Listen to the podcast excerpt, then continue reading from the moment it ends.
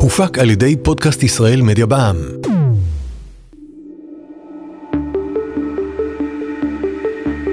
שלום לכם, אתם על מטען חשמלי, הפודקאסט של חברת החשמל.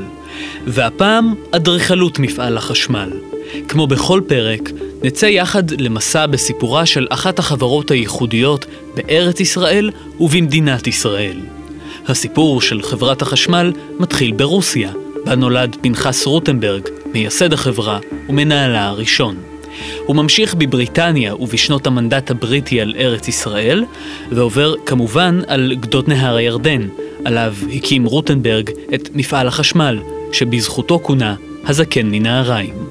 אבל הסיפור הזה לא מסתכם רק בחשמל, והוא נושא איתו עוד מטען גדול, בין אם אלו העובדים שעושים לילות כימים כדי להבטיח לנו חשמל בכל יום ובכל שעה, בין אם זו האדריכלות של מבנה החברה, או מהפכת הגז ואיכות הסביבה, ובין אם זהו העתיד של חברת החשמל, שכבר עכשיו משנה את פניה.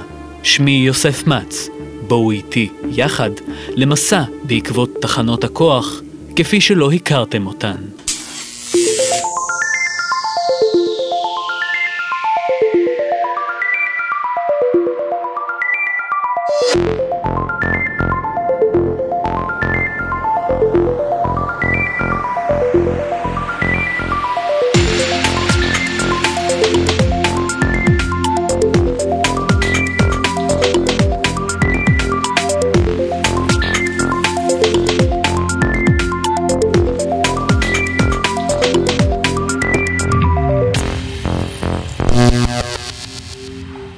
עד אמצע המאה ה-19, האדריכלות ששלטה בארץ ישראל הייתה אדריכלות ערבית ומסורתית.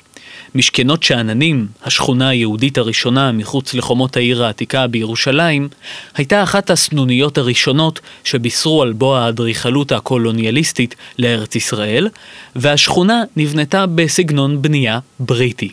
אבל האדריכלות היהודית הגיעה לארץ ישראל עם בוא העלייה הראשונה והשנייה כפי שמספר האדריכל צביקה אלעז. האדריכלים היהודים של אותה תקופה מנסים לשלב בין אה, מסורת אדריכלית כפי שהם למדו מערבית, שמושפעת מסגנונות של ארט דקו וארט נובו ואדריכלות אקלקטית, כלומר שילוב של אלה עם מוטיבים מהמזרח הרחוק, ממקורות שונים, ואז הם מגיעים לאותו קרקע של ארץ ישראל עם השפעות מקומיות, מוטיבים מזרחיים ערביים במבנים שהם מתכננים. כדי להבין טוב את סיפורה של אדריכלות מבני חברת החשמל, אנחנו צריכים לחזור אל תחילת העשור השלישי של המאה ה-20, ואל אדם מיוחד, שכבר עסקנו בהיבטים אחרים של אישיותו, פנחס רוטנברג. פנחס רוטנברג היה באמת מנכ"ל מאוד מאוד דומיננטי. הוא העסיק טובי האדריכלים של אותה תקופה בתכנון תחנות כוח, אבל בסופו של דבר ההחלטות היו שלו, והוא בעצם אפשר להגיד היה מתכנן העל. האדריכלית אורית מילבאואר אייל תכננה את שימור תחנת הכוח רדינג שבתל אביב.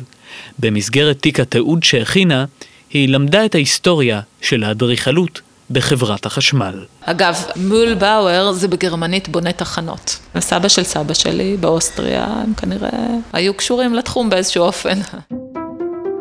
בנוף הארץ-ישראלי, תחנות הכוח היו מבנים יוצאי דופן.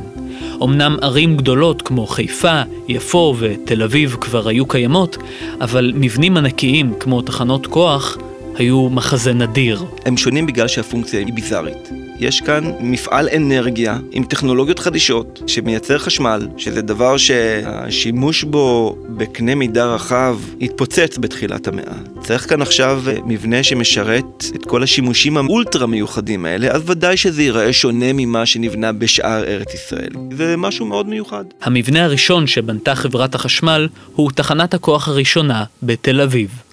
ריכרד קאופמן, לימים מחשובי אדריכלי ישראל, הכין תוכניות עבור מבנה תחנת כוח על נהר הירקון.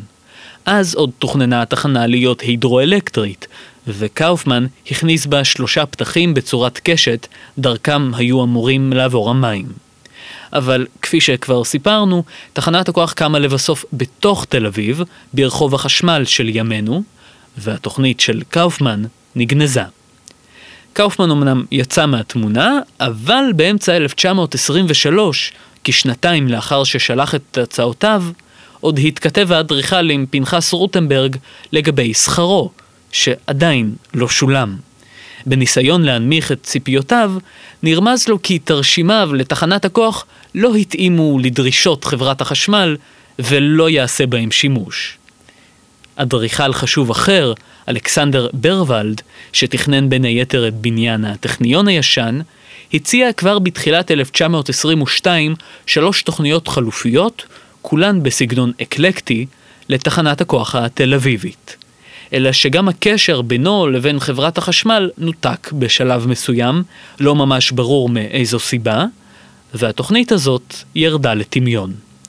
לבסוף, מי שתכנן את בניין תחנת הכוח היה בכלל יוסף ברלין, שהיה אז עולה חדש מרוסיה. אנחנו כאן במקומות של אה, אדריכלות אה, אקלקטית, יש אפילו מי שיגיד התחלת הארץ ישראלית. הבניין שתכנן ברלין היה פורמלי וקלאסי, עם מבנה מרכזי גבוה ושני אלמנטים נמוכים מצדדיו, שמזכירים מבנה מסורתי של בזיליקה.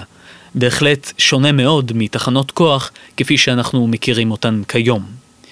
עצים רבים ניטעו במקום וסביבת תחנת הכוח טופחה, דבר שהיה אופייני לכל הפרויקטים של רוטנברג.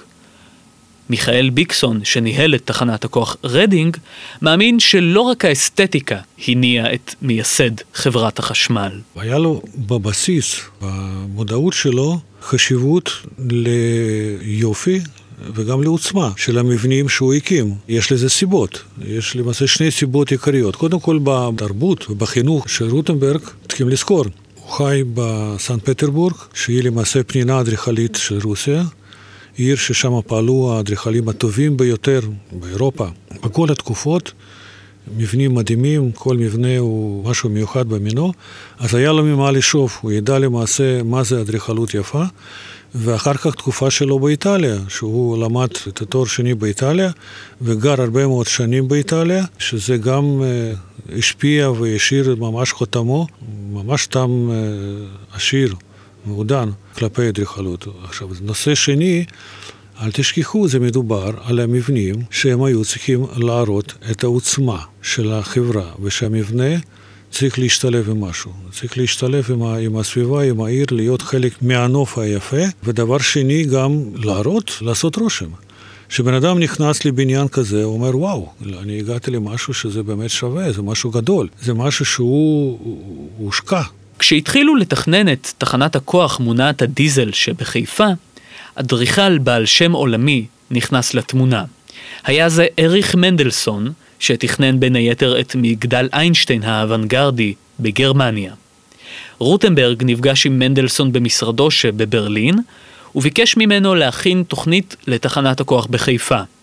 מנדלסון הגיע לארץ ישראל וביקר בחיפה, והתרשימים שיצר במרס 1923, ואשר שמורים עד היום בארכיון חברת החשמל, נראו יותר קונספטואליים מאשר שרטוט של תחנת כוח. אלה היו תרשימים אקספרסיוניסטיים שלא נצמדו לפרטים הקטנים, והבניין היה בצורה מלבנית וקומפקטית, אבל אסימטרי בצורתו התלת-ממדית. לקראת סוף 1923, דאגתו של מנדלסון התחילה לנקר בו. האדריכל, שמקום מושבו היה כאמור בברלין, התחיל לחוש לא בנוח, ומשהו בפרויקט נראה לו לא כשורה. הוא שמע כי רוטנברג מבקר בברלין, אבל השניים לא נפגשו. אז האדריכל שלח לרוטנברג מכתב, ועדיין לא קיבל תשובה בחזרה. רק כמה חודשים אחרי ששלח אליו שרטוט סופי, מפורט ומדויק הרבה יותר, קיבל מנדלסון מרוטנברג את התשובה הבאה.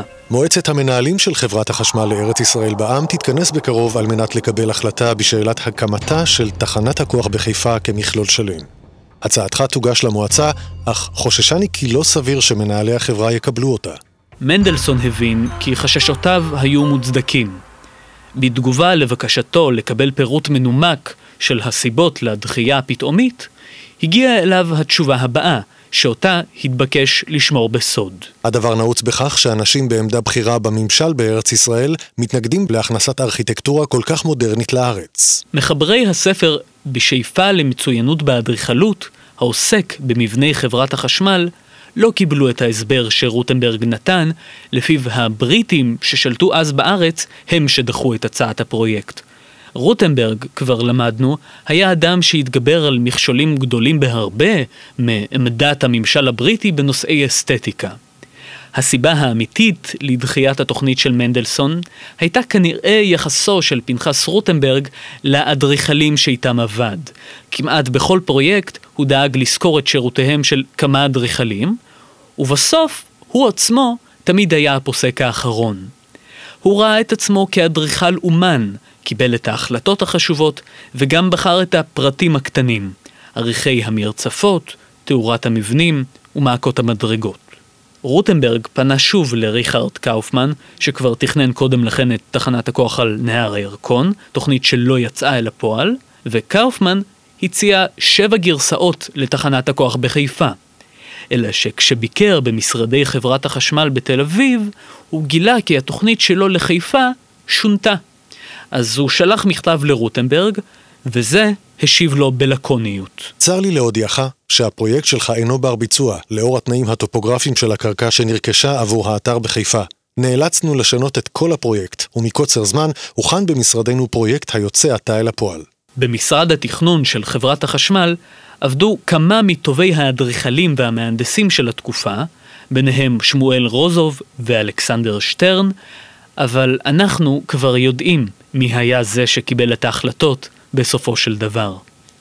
תכנון תחנת הכוח בחיפה, שנוצר במשרד, התבסס על עבודתם של קאופמן ושל מנדלסון. כבר אנחנו מתחילים לשלב אדריכלים שהם אדריכלים מודרניסטים. אנחנו רואים כאן uh, קווים נקיים וברורים, יש כאן גם ביטויים של אדריכלות אקלקטית. מזהים כאן את החלונות המאורכים, האנכיים של ארט נבו. אנחנו רואים כאן את המגדל שיש פה בצד, שמוכר מאדריכלות שבה יש תמיד מוטיב אנכי גבוה בגותיקה ובמבנים ביזנטיים. חלונות סרט שמוכרים לנו מהמודרניזם. במאי 1925 כבר עמד המבנה, וכל שנותר הוא להתקין את הדיזל גנרטורים.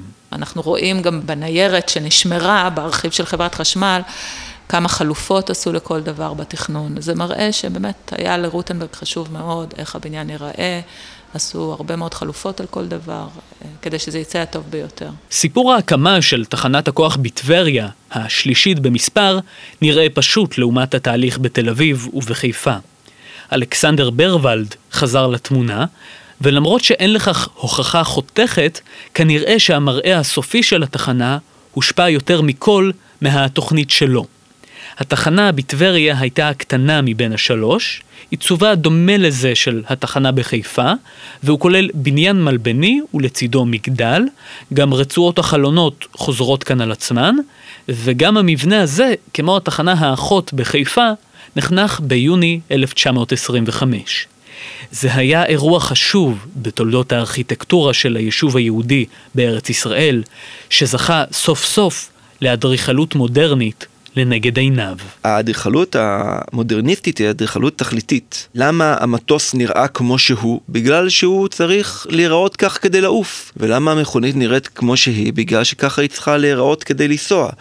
אז אם הבניין צריך להיראות משהו, הוא צריך להיראות כדי שהוא ישרת הכי טוב את מטרתו. אדריכלות שכבר נקייה מאלמנטים פיסוליים, קישוטיים, שאנחנו יכולים לראות במבנים אחרים של אותה תקופה. לב ליבה של התוכנית לחשמול ארץ ישראל הייתה כמובן תחנת הכוח ההידרואלקטרית בנהריים, שעל סיפור הקמתה אנחנו מרחיבים בפרק אחר.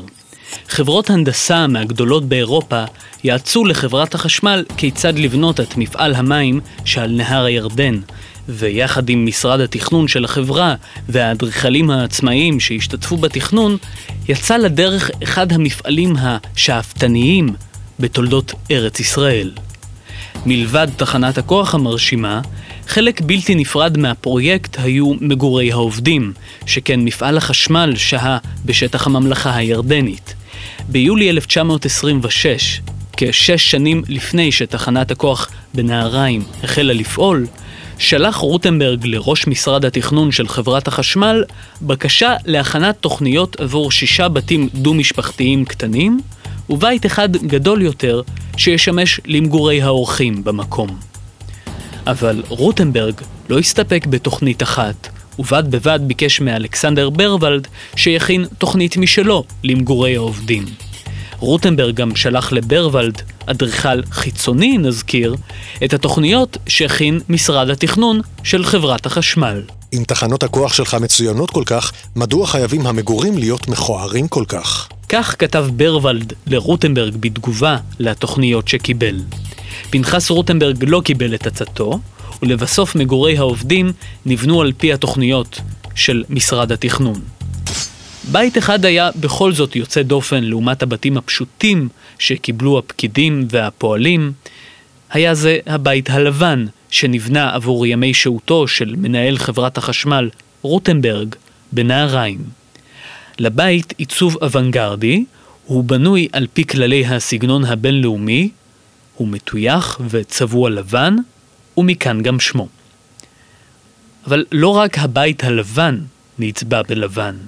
למעשה, כל תחנות הכוח הראשונות של חברת החשמל היו צבועות בלבן, בהתאם לרוח התקופה. הלבן מגיע מהאמרה שפחות זה יותר. אנחנו לא רוצים לשים כתמים, אנחנו לא רוצים לשים צבע, אנחנו רוצים לשים כמה שפחות. מה שיש לנו כאן זה דפים ריקים, אין צורך בזה. ואנחנו עושים כאן צורות גיאומטריות נקיות, כי הצורה הגיאומטרית הטהורה יש בה ערך יופי בפני עצמו לאדריכלים אה, מודרניסטים. הסיפור של האדריכלות בחברת החשמל טומן בחובו גם שיעור ביחסי ציבור. הלורד רדינג, יושב ראש מועצת המנהלים של חברת החשמל, היה אורח הכבוד של פנחס רוטנברג בטקס חנוכת מפעל המים בנהריים. הוא הסתכל קדימה כל הזמן, ברור. שברגע שהוא הביא את לורד רדינג לנהריים, ורואים את התמונות ורואים את היופי של המבנה, לא סתם גייסו את הכסף. כסף לא נשפך לאיזשהו בור בלי תחתית. יש פה משהו שהוא יישאר להרבה מאוד שנים, משהו שהוא, יש לו עוצמה, יש לו יופי, יש לו עניין. בהחלט, הוא יכול להסתכל גם קדימה, שיהיה לו הרבה יותר קל לגייס את הכסף. עוד לא ידענו מה זה public relations אז, אבל הנה, בבקשה, רוטנברג ידע שזה גם חלק מהעניין. תכף נחזור ללורד רדינג ולתחנת הכוח התל אביבית שנקראה על שמו, אבל לפני כן אנחנו חוזרים לחיפה, תחילת שנות ה-30. חיפה הופכת למרכז כובד חשוב בחלוקת החשמל שלנו. תחנת הגיבוי של חיפה קטנה מאוד, וסך כל התפוקה מגיעה ל-1200 כוחות סוס בלבד. הגענו למסקנה שהפתרון הטוב ביותר יהיה להתקין במהירות האפשרית מפעל גיבוי חדש בחיפה, שיכלול שני מחוללי זרם חילופין מונעים על ידי טורבינות קיטור. כך כתב פנחס רוטנברג ליושב ראש מועצת המנהלים של החברה. כשתוכנית כללית של תחנת הכוח הוכנה על ידי משרד התכנון, האדריכל הבריטי קליפורד הולידיי קיבל אותה לידיו. התכנון של המהנדסים, שנשען על האילוצים הטכניים והצרכים השונים, העמיד בפני הולידיי קבוצת מבנים שלא ממש השתלבו זה עם זה. משימתו העיקרית הייתה, אם כך, לעצב את המעטפת החיצונית של תחנת הכוח. המבנה שילב אפקטים של אור על אלמנטים פיסוליים מבטון. תחנת הכוח נכנסה לפעולה במרס 1935. במקביל, משרדה הקטן של חברת החשמל בתל אביב כבר לא הספיק לעובדים, ובחברה החליטו לבנות בחיפה גם בניין משרדים. זה נחנך בסוף 1935. גם בתכנונו היה מעורב קליפורד הולידיי, אבל כפי שכבר קרה במקרים קודמים, פנחס רוטנברג ערב גם אדריכל אחר, אד רוזנהק, והולידיי יצא מהתמונה. קליפורד הולידיי הוא לא אדריכל מודרניסטי, הוא אדריכל uh, שמגיע עם uh, גישה שכבר בשנים האלה מושפעת מאוד מהמודרניזם, אנחנו רואים עדיין את המבנים הקובייתיים הגדולים. ביחד עם זה אנחנו רואים גם את החלונות אחד אחרי השני בצורה ורטיקלית. המבנים שקופצים לגובה באמצע המסה, רואים כאן את השערים המאוד גדולים, כשהאלמנטים הגבוהים האלה הם אלמנטים של אדריכלים אקלקטיים, של אדריכלים מהאר נובו, אבל אנחנו רואים כאן את השילוב בין אדריכל שמגיע מהרקע הזה, כשהוא בא לתכנן מבנה טכני בשנים של מודרניזם, והתוצאה היא מה שאנחנו אה, יכולים לראות. לא רק העיר חיפה התפתחה באותן שנים, גם תל אביב גדלה, והביקוש הביא להחלטה להקים תחנת כוח חדשה בעיר.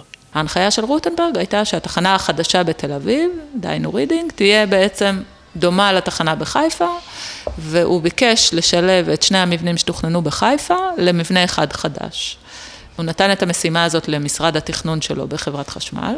הם עשו הרבה מאוד חלופות, אבל ניכר בתוצאה שהם לא התרחקו מהכוונה המקורית של רוטנברג, והמבנה מאוד מאוד דומה לתחנת הכוח בחיפה. את תכנון תחנת הכוח רדינג לא ניתן לייחס לאדריכל מסוים באופן ודאי. יש סיפור שיש באיזשהו מקום שרטוט של החזית, שעליו ככה באותיות גדולות חתום פנחס רוטנברג. לא יצא לי לראות דבר כזה, אבל זה הגיוני.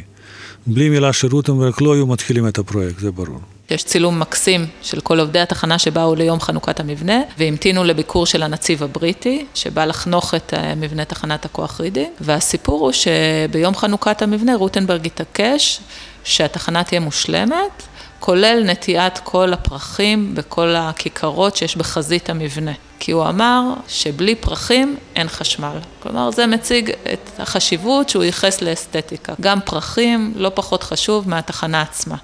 גם תחנת הכוח רידינג היא מבנה מאוד מונומנטלי. אם אתה תסתכל על החזית הקדמית שלה, חזית סימטרית, מרשימה. הכניסה הראשית שלה היא תוכננה באמת כדי להרשים, יש שם מדרגות. מאוד מאוד יפות, מדרגות טקסיות אנחנו קוראים להן אה, סימטריות, ממש כמו כניסה לכנסייה עם המדרגות הראשיות המרשימות בכניסה למבנה. אגב, כשנכנסים לתוך החלל, גם החללים עצמם מאוד מאוד מרשימים. מה שמאוד מיוחד בהם זה גם אופן ההערה שלהם, תאורה טבעית, חלונות פס מאוד ארוכים בתקרה של החללים, שמאירים בצורה מאוד מאוד יפה לאורך כל עונות השנה את החללים כמעט בלי צורך בתאורה מלאכותית. זה היה מאוד ייחודי לתקופה ובמיוחד אה, לסוג המבנים התעשייתי. זה מראה גם על ההשקעה שעשו בתכנון של המבנה הזה. לא סתם, כמו שהיום מתכננים מבנים תעשייתיים אה, בצורה מאוד אה, מעשית, בלי שאר רוח, שם היה את השאר רוח הזה. חשבו באמת איך לעשות החלל הזה נעים, מיוחד ויפה, ולא סתם חלל תעשייתי פשוט. תחנת הכוח רדינג נחנכה בשנת 1938. היא נתנה לעיר תל אביב את אחד מהסמלים המזוהים ביותר איתה, ארובת תחנת הכוח רדינג ד'. זה גם דבר מאוד מעניין. כל מבנה תעשייתי צריך תחזוקה. בטח שבטח ארובה שהיא 150 מטר על יד הים, חשופה גם לרוחות, גם למלח מהים, ובסוף שנות 90 התחלנו לגבש תוכנית תחזוקה או שיפוץ של הערובה. הגענו למנכ"ל החברה ואמרנו, אנחנו צריכים כסף, אנחנו צריכים לפתוח פרויקט די מורכב, שעולה הרבה מאוד כסף, הנדסי זה גם מאוד מורכב, לשפץ את הערובה. ואז רפי פלט אמר לנו ככה, אני אתן לכם כסף רק בתנאי אחד, שאתם תשלבו איזשהו אלמנט אומנותי בשיפוץ של הערובה. נפלנו קצת מהכיסא, אנחנו מוהנדסים, אה, מה אנחנו מבינים בנושאים האלה, אלמנטים, אומנותיים, אדריכלות, מה, אנחנו יודעים אה, להרביץ במתכת ולסגור ברגים. למדנו איך נושא הזה ועשינו אה, תחרות בינלאומית. פנינו למספר אומנים וקיבלנו די הרבה הצעות. ההצעה הכי מעניינת, אומנם קצת מינימליסטית, אבל מאוד מעניינת, הייתה הצעה של האומן האמריקאי ממוצא יווני בשם סטיבן אנטונקוס. הוא למעשה היה מינימליסט ועבד עם תאורת נאון. וזה גם מתחבר אלינו, תאורה, מאור, חשמל, דברים שהם מתחברים. נפגשנו איתו ויצאנו לדרך. זה היה פרויקט שלקח כמעט שנה, וזה הפך להיות למעשה אה, סמל של תל אביב. כל מבנה של חברת החשמל מייצג את פיתוח הארץ. כל מבנה השתלט על הסביבה שלו וקבע לה אופי. בטעם רב, בשילוב של הטכנולוגיה מחד והארכיטקטורה מאידך, קבעה חברת החשמל כמה מהמבנים המונומנטליים והמרשימים ביותר במדינת ישראל, מבנים שיישארו איתנו לעוד שנים ארוכות. זה חלק מהעיר, זהו, זה חלק מהעיר. גם כרגע שאנחנו מדברים על השדרוג של תחנה, אולי לשנות, להוסיף, הערובה הזו נשארת. עכשיו, היא מפריעה לפרויקט הגדול. אז אמרו, אוקיי, אז תבנו כזו בדיוק, מקום אחר, אבל אותו דבר. בדיוק אותו דבר. תודה למרואיינים שהשתתפו בפרק. האדריכלית אורית מילבאואר אייל, מיכאל ביקסון, והאדריכל צביקה אלעז. עורכת ראשית דליה בודינגר, דוברת חברת החשמל. הפקה דוברות חברת החשמל, לירון בן יעקב וכרמל ביטן אלשטיין. הפודקאסט הופק על ידי רשת עושים היסטוריה. שמי יוסף מצ. נתראה בפרק הבא.